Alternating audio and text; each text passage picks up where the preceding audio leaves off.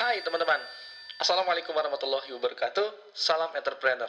Saya Fahmi Hakim, founder dan CEO Kelas Bos Digital Inspirasi, perusahaan training consulting, juga online course dan digital marketing agency.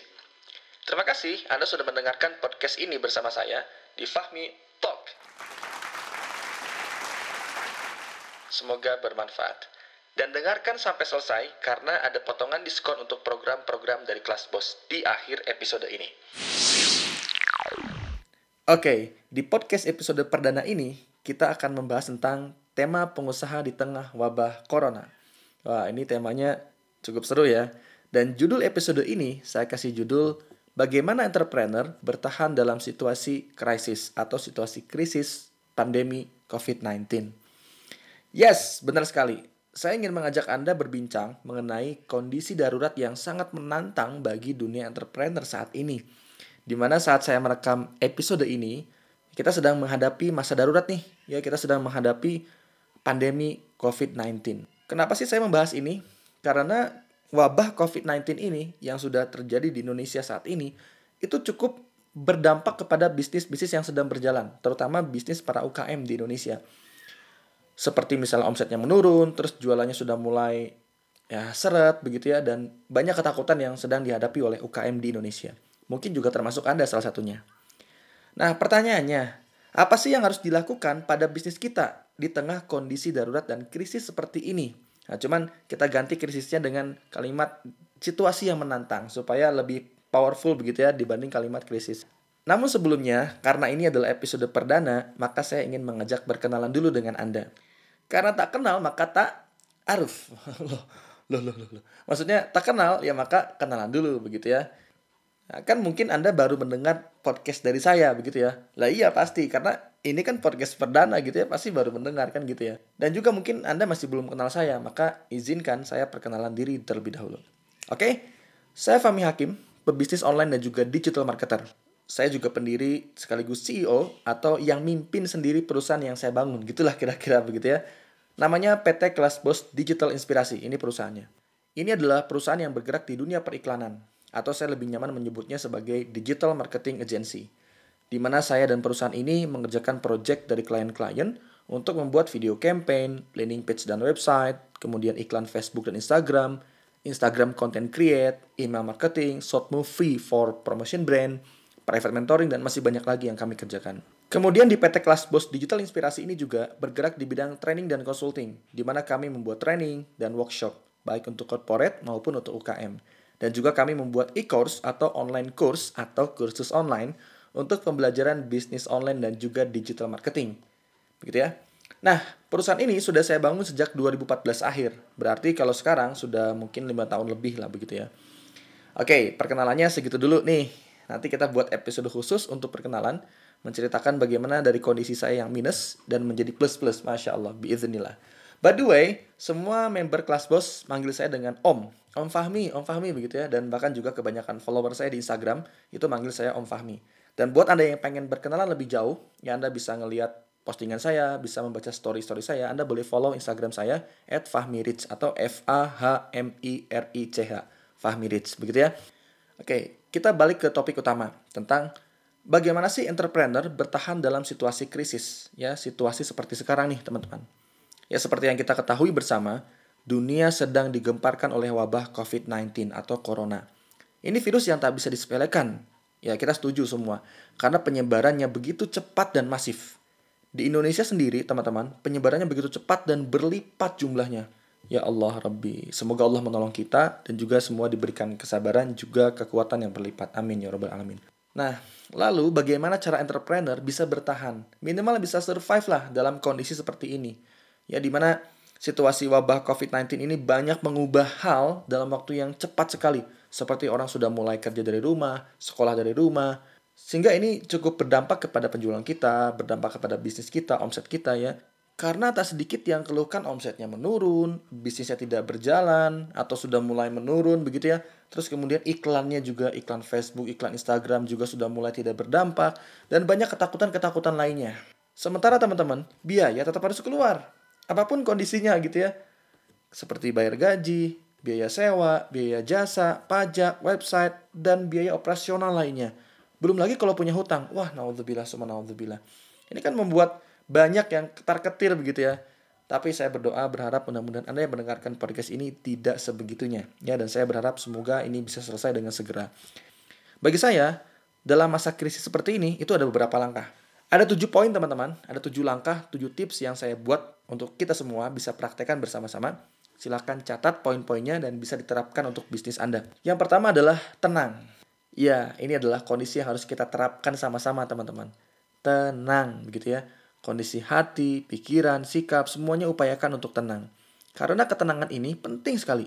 Jika panik, maka dimulai dari pikiran, kebijakan, dan keputusan yang diambil itu biasanya akan berantakan. Padahal nih, sebagai entrepreneur, dalam kondisi sulit seperti ini harus mampu membuat kebijakan yang lebih baik. Ya, saya tahu dalam situasi seperti sekarang itu tidak mudah untuk bersikap tenang. Tapi bukan artinya tidak bisa, teman-teman. Gitu ya. Insya Allah bisa. Ada tiga cara yang saya lakukan sendiri untuk membuat diri saya tenang. Nah, ini juga bisa dipraktekkan untuk teman-teman semua supaya bisa tenang. Cara yang pertama adalah dengan berzikir kepada Allah Subhanahu wa taala. Dalilnya jelas dalam Quran surat 13 ayat 28. Bunyinya kayak gini. Ala bidzikrillah tatma'innul qulub. Artinya, ingatlah, hanya dengan mengingat Allah, hati ini menjadi tentram. Nah, itu janji Allah tuh. Itu petunjuk dari Allah. Karena Allah lah yang menurunkan ketentraman hati, dan Allah pula yang membolak-balik hati kita sepenuhnya, teman-teman. Jadi saat ini Anda sudah mulai bisa memperbanyak zikir dan mengingat Allah Subhanahu wa taala supaya tenang, ya. Itu yang pertama. Yang kedua, supaya tenang, tarik nafas, lakukan berulang sambil dinikmati bahwa ya Allah ini nikmat yang Allah berikan di tengah wabah corona ini kita masih bisa bernafas tarik nafasnya keluarkan lagi pelan-pelan lakukan berulang sambil duduk bisa juga. Anda tarik nafas nikmati ya Allah masih bisa diberikan nafas masih ada rizki masih bisa melihat masih bisa mendengar masih bisa makan dan lain-lain. Dinikmati. Lalu setelah itu anda boleh ambil wudhu dan kemudian sholat taubat dua rakaat. Kemudian sama dengan poin pertama berdoa sama Allah. Minta pertolongan dan minta ampunan dari Allah. Juga minta petunjuk dan juga ketenangan supaya kita ini tenang nih ya. Kemudian yang ketiga nih itu cara kedua. Cara yang ketiga adalah supaya tetap tenang menjaga sesuatu yang masuk ke pikiran kita itu dibuat tetap dari angle-angle yang positif artinya kita belajar sangka baik sama Allah Subhanahu Wa Taala alihkan pikiran dan perasaan kita dengan memilih kata-kata yang positif dan juga memilih pikiran-pikiran yang positif. Lalu kemudian juga hentikan mengucapkan kalimat-kalimat kasar dan negatif Nah, kalau sudah tenang, maka jauh lebih baik dan jauh lebih enak gitu ya. Kebijakan yang kita buat, keputusan bahkan ide-ide yang kita keluarkan itu bisa lebih baik dibanding kalau kita lagi tidak tenang. Nah, itu tips nomor pertama untuk tetap tenang menghadapi situasi krisis seperti ini. Tenang, oke? Okay? Nah, dan tenang ini pun menunjukkan bahwa kita tenang karena ada Allah Subhanahu wa taala. Ingat, we will never walk alone. Jadi tenang aja tenang dulu begitu ya walaupun kita belum tahu solusinya apa nih yang penting tenang dulu tenang oke okay? nah yang kedua tips dari saya adalah respon dan adaptasi. Karena sebagai pengusaha apa pun level anda misalnya anda baru mulai bisnis nih belum ada karyawannya atau karyawannya masih sedikit nih itu harus belajar merespon dengan cepat. Tetapi tetap bijak begitu ya. Jangan terlalu memberikan respon yang reaktif tapi diharapkan bisa memberikan respon yang proaktif. Apa bedanya? Bedanya kalau reaktif itu reaksi yang spontan Nah, kalau proaktif itu menunda respon sejenak, dibuat tenang dulu begitu ya. Setelah tenang barulah cari solusi dan antisipasinya atau apa nih jalan keluarnya yang bisa kita lakukan begitu ya. Sebenarnya sejak terjadi di Wuhan, jadi pandemi corona ini atau COVID-19 ini awalnya bermula di Wuhan kan begitu ya. Sejak terjadi di Wuhan, harusnya kita sudah mulai bisa membaca arahnya seperti apa. Inilah fungsinya respon kita harus mengetahui update informasi ya supaya bisa direspon dengan cepat. Apalagi setelah melihat kejadian di Wuhan, kemudian menyebar ke berbagai negara sampai ke negara tetangga-tetangga kita. Nah, seharusnya kita sudah mulai bisa membuat skenario atau antisipasi begitu ya pada saat sudah menyerang negara-negara tetangga kita begitu ya. Jika terjadi maka nah, siapkan antisipasinya misal membuat promosi khusus atau menyimpan dana cadangan dan lain-lain. Jadi kita harus sudah siap sebenarnya tapi apalah daya, kita menyadarinya telat, wah ternyata berdampak nih bagi bisnis kita. Ya tapi nggak apa-apa, ya sudah terjadi, kita tinggal adaptasi saja. Kemudian setelah respon, ya kan ingat ya respon dan adaptasi. Setelah merespon, kemudian segera adaptasi ya dengan situasi yang terjadi. Mulailah buat beberapa kebijakan yang beradaptasi dengan situasi tersebut, ya. dalam hal ini adalah kita beradaptasi terhadap situasi pandemi COVID-19 di mana situasi yang sudah orang bekerja dari rumah, sekolah di rumah dan banyak yang sudah tidak keluar, bahkan beberapa kota di Indonesia melakukan lockdown, ya, lockdown. Setidaknya ada empat poin adaptasi yang bisa Anda lakukan, ya. Apa aja empat poin adaptasi ini? Yang pertama adalah adaptasi terhadap sistem kerja. Jadi Anda bisa mulai segera dengan cara work from home ya yang sekarang mulai diterapkan di Indonesia. Ya kalau dulu disebut dengan kerja remote ya atau remote working. Ini dulu ramai sekali gitu ya. Nah, jadi adaptasilah mulai segera dengan cara work from home. Kalau Anda belum bisa, aduh, belum bisa nih gimana nih work from home? Wah, saya nggak ngerti. Ya saatnya inilah Anda belajar. Ingat, adaptasi kuncinya. Jadi jangan seperti dinosaurus gitu. Maksudnya apa? Jadi kalau misalnya gini, Anda buka Google Chrome browser gitu ya, Anda buka dari laptop tapi ya, buka dari laptop Google Chrome, terus Anda ketik google.com. Kalau internetnya nggak nyambung, wifi-nya nggak connect, maka apa yang muncul? Munculnya gambar dinosaurus. Nah jangan seperti itu, artinya nggak connect gitu, nggak relate, nggak update, nggak adaptasi. Nah, sementara pengusaha harus adaptasi. Segera belajar berarti. Dalam bekerja work from home ini, ada beberapa hal yang bisa Anda terapkan. Seperti misalnya membuat timeline pekerjaan menggunakan tools, aplikasi, seperti aplikasi Trello atau Basecamp dan banyak sekali ya tools-tools yang bisa dipakai. Nah, kalau sampai saat ini Anda baru mendengar apa itu Trello, Anda, ah, maksudnya apa Trello? Apa itu Basecamp? Nah, kalau masih belum paham, berarti sudah waktunya Anda untuk mulai belajar, cari tahu bagaimana bekerja secara online. Yang kedua, adaptasi membuat angle atau sudut promosi dan juga penawaran produk Anda yang berkaitan dengan stay at home atau social distancing. Misal nih, misal nih, Anda jualan roti bakar ya buatlah promosi yang relevan dengan nada seperti ini misalnya. Tetap di rumah, rotinya kami antar dengan higienis. Nah, itu angle-nya relate nih dengan kondisi sekarang ya. Kemudian Anda juga bisa memperlihatkan proses membuat rotinya itu memang bersih. Bisa Anda foto ya atau bisa Anda video prosesnya sehingga orang tuh trust gitu ya. Misalnya sebelum membuat cuci tangan dulu gitu ya. Terus pakai sarung tangan ya. Terus yang membuatnya selalu menggunakan hand sanitizer gitu ya atau menjaga jarak dengan konsumen dan lain-lain lah. Sehingga audiens atau calon pembeli tetap merasa trust. Nah, ini kan relate. Udah roti bakarnya dikirim ke rumah, terus higienis lagi. Mereka jadi lebih trust. Dan ini nyambung dengan imbauan pemerintah tentang stay at home. Atau nih, misalnya Anda bisa menyontoh Indomart. Nah, ini Indomart ini saat ini mereka cerdas mengelola krisis menjadi peluang. Peluang di sini bukan berarti memanfaatkan kondisi ya, tetapi mengelolanya agar sama-sama memberikan manfaat gitu ya. Contoh nih, contoh. Indomart saat ini sedang mempromosikan dengan gencar belanja melalui aplikasi Klik Indomart dengan angle promosi ya atau dengan sudut promosi yang mereka bilang beli via aplikasi barangnya kami antar. Jadinya ini relate banget dengan kondisi Indonesia yang sedang melakukan stay at home dan juga social distancing. Saya pribadi menggunakannya, menggunakan aplikasi Klik Indomart namanya. Bukan karena apa-apa, karena saya beli sayur di sini udah nggak ada tukang sayur yang lewat ya. Bahkan pasar di Lembang, saya tinggal di Lembang, pasar di Lembang Kabupaten Bandung Barat ini itu ditutup kemarin ya karena dibersihkan dulu pasarnya disemprot dengan desinfektan dan tidak ada tukang sayur yang jualan karena mereka menjaga diri gitu ya sehingga kita bingung nih mau belanja ke mana gitu ya akhirnya ada solusi klik Indomart nggak ada lagi pilihannya ya mau beli ke UKM kita juga nggak ada ya sudahlah dan saya juga sedang menerapkan stay at home juga social distancing. Saya belanja tuh di situ ya. Dan benar sekali. Barangnya nyampe. Saya beli makanan, stok makanan ya. Sampai beli air mineral galon pun saya menggunakan klik Indomart ya dan benar-benar diantar gitu ya. Nah, saya coba nih untuk kedua kalinya. Yang pertama berhasil ya. Nah, yang kedua kali ternyata saya mesennya siang, datangnya itu malam, teman-teman. Setelah saya confirm, kenapa? Kok ini lama banget? Gitu ya. Mereka mengatakan ya kami ini kerepotan karena aplikasinya nggak ngasih tahu nggak ada notif kalau ada orderan dari bapak begitu. Karena hari ini tuh ya pak kita diserang oleh orderan yang banyak banget. Mereka sampai down servernya gitu saking di order oleh banyak orang. Artinya apa ini artinya relate banget dengan kondisi yang stay at home mereka diserang oleh orderan yang sangat banyak sekali Nah ini maksud saya adalah adaptasi terhadap angle promosi, eh, sudut promosi dan juga penawaran produk Anda. Begitu ya. Dan ini bukan mengambil keuntungan dalam kesulitan orang gitu ya, bukan mencuri-curi kesempatan, bukan juga. Justru memberikan hope dan memberikan help. Ingat ya, fokusnya ada dua, hope dan help. Hope ini adalah kita menjadi jembatan harapannya mereka begitu ya. Walaupun berharap sepenuhnya hanya kepada Allah Subhanahu wa taala saja. Nah, kita sebagai jembatannya untuk harapan mereka pengen beli makanan ya kita kita selesaikan harapan mereka. Nah, harapannya tetap kepada Allah Subhanahu wa taala, tapi kita sebagai jembatan mereka ya. Kedua, help, menolong gitu ya. Nah, ini kata kuncinya hope dan help. Oke, yang ketiga, adaptasi terhadap konten-konten di media sosial Anda. Jadi adaptasilah kontennya. Mulailah buat konten-konten yang berhubungan dengan keadaan yang terjadi sekarang, teman-teman. Ya, supaya kita hidup, kita ini relate atau relevan begitu ya.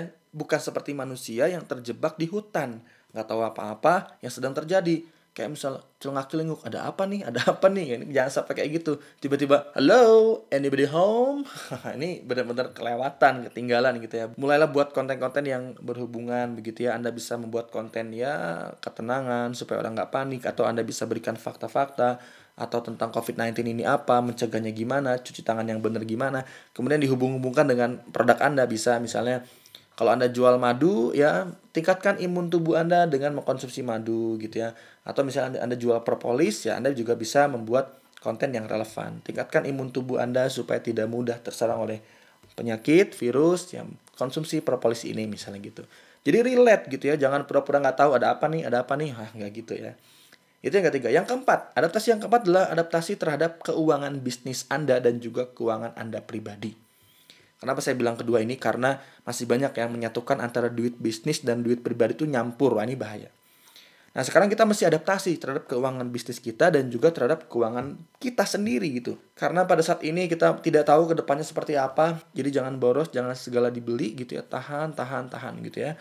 Tunda kesenangan kita. Dan kemudian rapih pencatatan keuangan, harus disiplin. Bersyukurlah jika Anda saat ini sudah punya tim keuangan ya.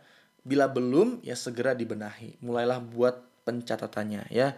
Jangan tunggu berantakan. Minimal disiplin mencatat keuangan kita. Keluar berapa, masuk berapa. Minimal itu aja ya. Ya kalau misalnya Anda pusing buat neraca, laba rugi ya dan lain-lain. Minimal buat catatan itu aja dulu berapa yang masuk, berapa yang keluar. Itu aja minimal ya. Nanti Anda bisa rekrut tim keuangan setelah wabah ini selesai, setelah keuangan mulai baik lagi Anda bisa mulai rekrut tim keuangan, kemudian minta bantu mereka untuk merapikan finance kita. Habis itu kalau Anda sudah bisa lihat nih, bisa melihat situasi keuangan kita, maka Anda bisa membuat kemungkinan-kemungkinan, buat skenario gitu ya. Bila kekurangan cash nanti di depan, maka apa yang akan dilakukan gitu ya misalnya jual stok dengan harga yang modal ya harga modal dijual harga modal nggak apa-apa yang penting kita bisa menjual bisa keluar bisa dapat ada omset yang masuk lah begitu ya atau anda bisa menjual tambahin profitnya kecil nggak apa-apa gitu ya. Yang penting ada masuk uang gitu ya. Itulah solusi kedua dari saya ya respon dan adaptasi. Yang pertama adalah tenang yang kedua respon dan adaptasi. Kemudian solusi atau tips yang ketiga adalah manuver. Ya solusi yang ketiga ini adalah manuver. Memang secara arti ini seperti bahasa politik ya. Namun saya gunakan kata-kata tersebut agar mudah dipahami oleh Anda. Yang saya maksud manuver di sini adalah mengatur arah dan juga gerakan dengan cepat. Bayangkan aja nih ya, misalnya seperti pesawat lagi terbang. Saat turbulence atau goyang atau terjadi guncangan, maka saat goyang itu pilotnya harus cerdas dan segera melakukan manuver, membuat gerakan dan mengatur arah yang tepat dengan cepat. Nggak bisa bengong atau ini gimana nih, harus dengan cepat arahnya dibuat ya dengan cepat. Kenapa? Karena kalau dibiarkan, oh ini bisa berdampak lebih buruk lagi gitu ya. Mirip lah dengan bisnis kita, teman-teman ya.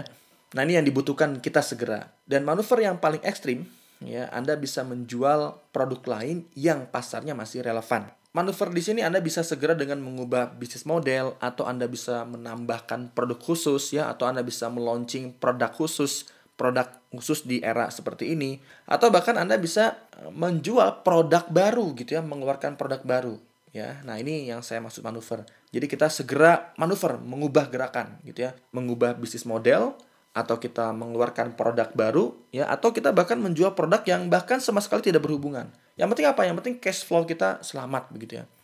Saya paham ini bukan bisnis utama Anda atau bukan core bisnis Anda. Tapi ini penting demi kebaikan cash flow bersama.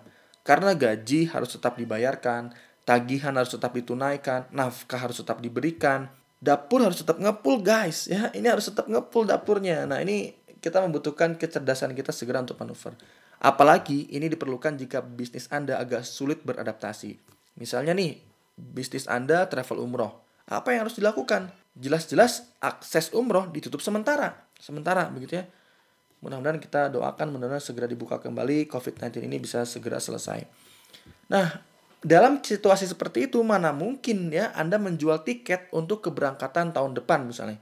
Ini kan gambling, banyak ketidakpastian yang menghantui. Nggak mungkin ya kita menjual tiket tahun depan Ya banyak ketidakpastian yang menghantui kita.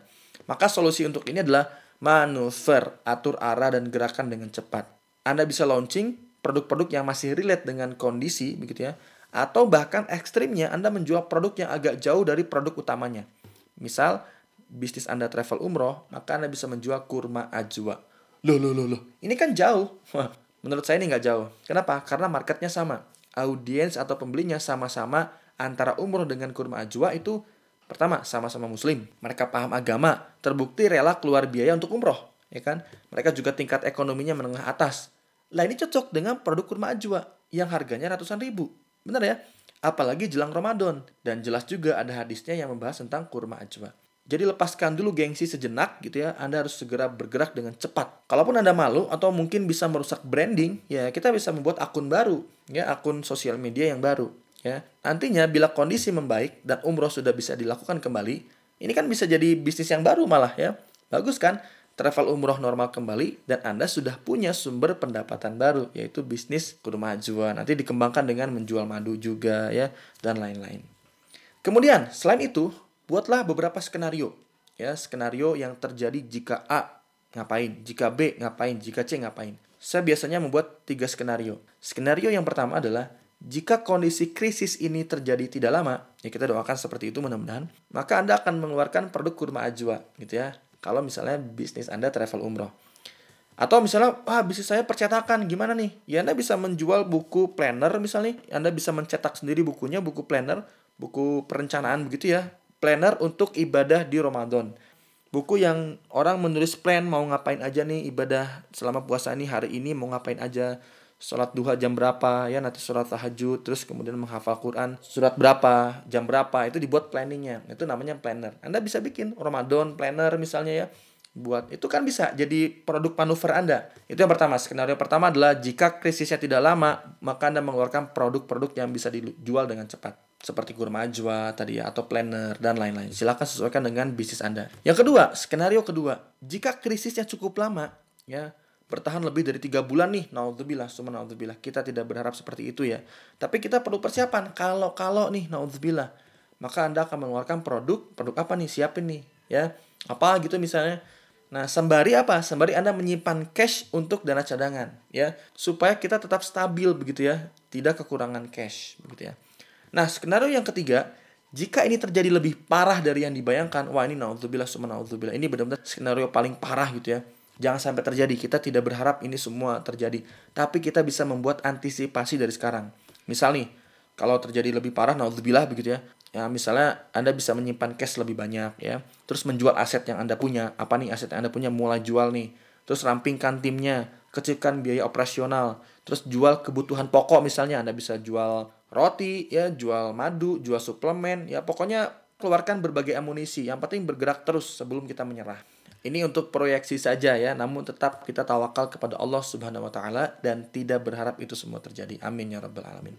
Tapi ingat, pebisnis harus respon, adaptasi, membuat antisipasi dari berbagai kemungkinan-kemungkinan yang akan terjadi. Nah, itu yang ketiga, manuver. Silakan catat dan mulai pikirin ya gimana nih manuvernya. Atau bahkan misalnya bisnis Anda manuvernya agak sulit nih. Ya sudah Anda bisa menjual produk yang bahkan berbeda dengan marketnya, berbeda dengan yang selama ini Anda jual apa aja yang penting Anda bisa menjaga cash flow tetap terjaga. Nanti setelah normal kembali Anda bisa fokus kembali ke bisnis Anda yang utama, begitu ya. Itu yang ketiga. Kemudian langkah keempat adalah sabar dan tahan diri. Ya, ini langkah keempat, sabar dan tahan diri. Sabar menghadapi ujian ini ya, karena petunjuk Allah Subhanahu wa taala ya seperti itu. Bila sesuatu terjadi sesuai yang kita harapkan, maka bersyukur. Tapi jika sesuatu terjadi di luar harapan kita, maka bersabar, kan begitu ya. Karena semua pasti demi kebaikan kita juga. Allah dengan kemasuciannya pasti tidak mungkin salah membuat sesuatu terjadi. Pasti menurunkan hikmah yang sangat besar ya. Misalnya untuk menegur kita dan bila kita sabar maka insya Allah kebaikan yang akan didapat begitu ya. Langkah yang kelima adalah terus berjualan dan membeli. Ya teruslah bergerak ya. Untuk apa? Ya kita harus adaptasi terhadap ekonomi Indonesia nih yang mulai terasa bergoyang. Ya Anda lihat sendiri dolar sudah mulai naik pasca pandemi COVID-19 ini ya. Kita doakan semoga bisa segera turun dan juga bisa normal kembali. Nah, kita bantu nih agar ekonomi bangsa ini agar terus kuat. Caranya lakukan yang sederhana karena yang jelimet itu sudah bagian orang-orang yang paham ya. Kita cukup melakukan apa yang bisa kita kontrol aja. Ingat ya, Caranya adalah dengan menjaga roda ekonomi terus berputar ya. Jadi tetap berjualan agar terus bergerak ya. Dan yang terpenting adalah beli produk-produk buatan lokal atau yang menjualnya diutamakan adalah UKM gitu ya. Jangan sampai beli produk luar ya. Tahan gengsinya tahan gengsinya gitu ya. Bukan saatnya untuk gengsi. Nah nanti anda bisa membeli barang-barang dari yang terdekat nih. Misalnya ada tetangga nih jual nasi kuning ya beli. Bantu mereka. Ada teman jual propolis beli ya. Tapi sesuai prioritas juga ya dan juga jangan boros. Dan saya berharap mudah-mudahan rezekinya Allah cukupkan. Sehingga dengan begini ekonomi akan terus berputar dan berputar lebih banyak di negara kita saja. Ya, nggak keluar-keluar. Bayangkan misalnya begini, Anda membeli nasi kuning ya. Kemudian nanti uangnya akan sampai ke penjual nasi kuning tersebut, gitu ya. Nanti penjual nasi kuning itu membeli propolis. Akhirnya uang itu berputar, ya berpindah ke penjual propolis. Nah, terus kemudian nanti penjual propolis membeli madu. Akhirnya uangnya akan ada di tangan penjual madu. Terus berputar, ini roda ekonomi. Hingga nanti kembali ke kita juga akhirnya. Karena ada orang yang membeli produk kita misalnya. Jadi jangan takut membeli produk dan karya anak bangsa dan mulai hentikan gengsinya ya. Itu yang kelima. Kemudian langkah dan solusi yang keenam di masa krisis ini adalah tingkatkan iman, ketakwaan, dan tawakal gitu ya. Inilah tips yang saya simpan di belakang, harusnya di awal, namun saya khawatir Anda keburu bosan gitu ya. Saya masukkan di akhir. Sebenarnya ini justru penting banget gitu ya adalah memandang kejadian ini semua dengan kacamata iman, teman-teman. Yakin dan percaya bahwa semua sudah tercatat di Lauh Mahfud, sudah Allah tetapkan. Yakin juga bahwa ini adalah ujian yang menimpa tidak akan melebihi kadar kemampuan kita. Serta yakin juga bahwa we will never walk alone, teman-teman. Selalu ada Allah, kapan pun, di mana pun, 24 jam seumur hidup kita selalu ada Allah. Jadi mintalah pertolongan dan berharap penuh sama Allah Subhanahu wa taala. Dan tingkatkan ketakwaan kita ya. Kita melakukan apa yang Allah perintahkan dan juga menjauhi apa yang Allah larang dan tawakal. Artinya berharap dan menyerahkan semua kebaikan hanya kepada Allah Subhanahu wa taala. Berharapnya sama Allah aja. Tugas kita hanya menyempurnakan ikhtiar, selebihnya adalah hak Allah Subhanahu wa taala sepenuhnya. Terserah Allah. Mau apa pun yang terjadi, yang penting Allah ridho sama kita dan kita selamat hingga ke surga bertetangga dengan orang-orang soleh dan juga dekat dengan Rasulullah Shallallahu Alaihi Wasallam. Amin ya rabbal alamin. Itu harapan kita kan. Nah, kemudian kita lakukan petunjuk yang sudah diteladankan oleh Rasulullah Shallallahu Alaihi Wasallam. Bagaimana beliau menghadapi situasi seperti ini. Gunakan waktu stay at home ini untuk belajar sama-sama tentang ilmu tauhid, ilmu tentang kisah Rasulullah ya, dan memperbanyak ilmu-ilmu yang lainnya. Terakhir nih ya terakhir. Tips langkah yang ketujuh adalah komunikasi dan libatkan tim. Ya, terakhir adalah Anda komunikasi dan melibatkan tim. Kita harus berbicara dengan tim kita, apalagi bila kondisi sudah mulai mengkhawatirkan nih, naudzubillah, summa naudzubillah. Sampaikan dengan cara yang tenang, bukan untuk membuat mereka tegang ya. Kita berkomunikasi ke mereka dan ajarkan mereka untuk sama-sama sabar dalam menghadapi berbagai kemungkinan yang akan terjadi. Juga libatkan mereka ya ajak bekerja sama, berikan delegasi dan penugasan yang tepat dalam masa krisis ini. Anda juga bisa meminta pendapat dari mereka, karena boleh jadi ide itu datang dari tim kita. Ya. Begitulah tujuh tips dari saya. Semoga bermanfaat ya. Agak panjang memang, bukan agak panjang lagi. Ini cukup panjang episode perdana ini. Tapi saya berharap bisa bermanfaat dan bisa diterapkan untuk bisnis Anda. Oh ya, seperti yang saya janjikan, dapatkan diskon khusus untuk join di e-course kelasbos.com atau online course kelasbos.com. Belajar bisnis online dan juga digital marketing. Materinya lengkap ya, videonya juga lengkap, tutorialnya lengkap, modul-modulnya juga lengkap. Silakan masukkan kode kupon Fahmi Podcast. Jadi Anda silakan daftar, klik kelasbos.com, kemudian klik tombol daftar, dan silakan masukkan kode kupon Fahmi Podcast untuk mendapatkan diskon khusus. Oke? Sekarang teman-teman boleh follow podcast saya dan nantikan episode berikutnya. Dan jangan lupa untuk bantu saya share ke story Instagram dan juga ke berbagai channel teman-teman. Supaya apa? Supaya manfaatnya meluas dan podcast ini bisa didengarkan oleh banyak orang. Terima kasih Anda sudah menyimak Fahmi Talk episode ini. Maafkan untuk kesalahan saya. Yang manfaat pasti datangnya dari Allah Subhanahu wa taala. Subhanakallahumma wa bihamdik asyhadu alla ilaha illa anta astaghfiruka wa atubu. Semoga bermanfaat. Jangan lupa bahagia. Bye bye. Assalamualaikum warahmatullahi wabarakatuh. Thanks ya.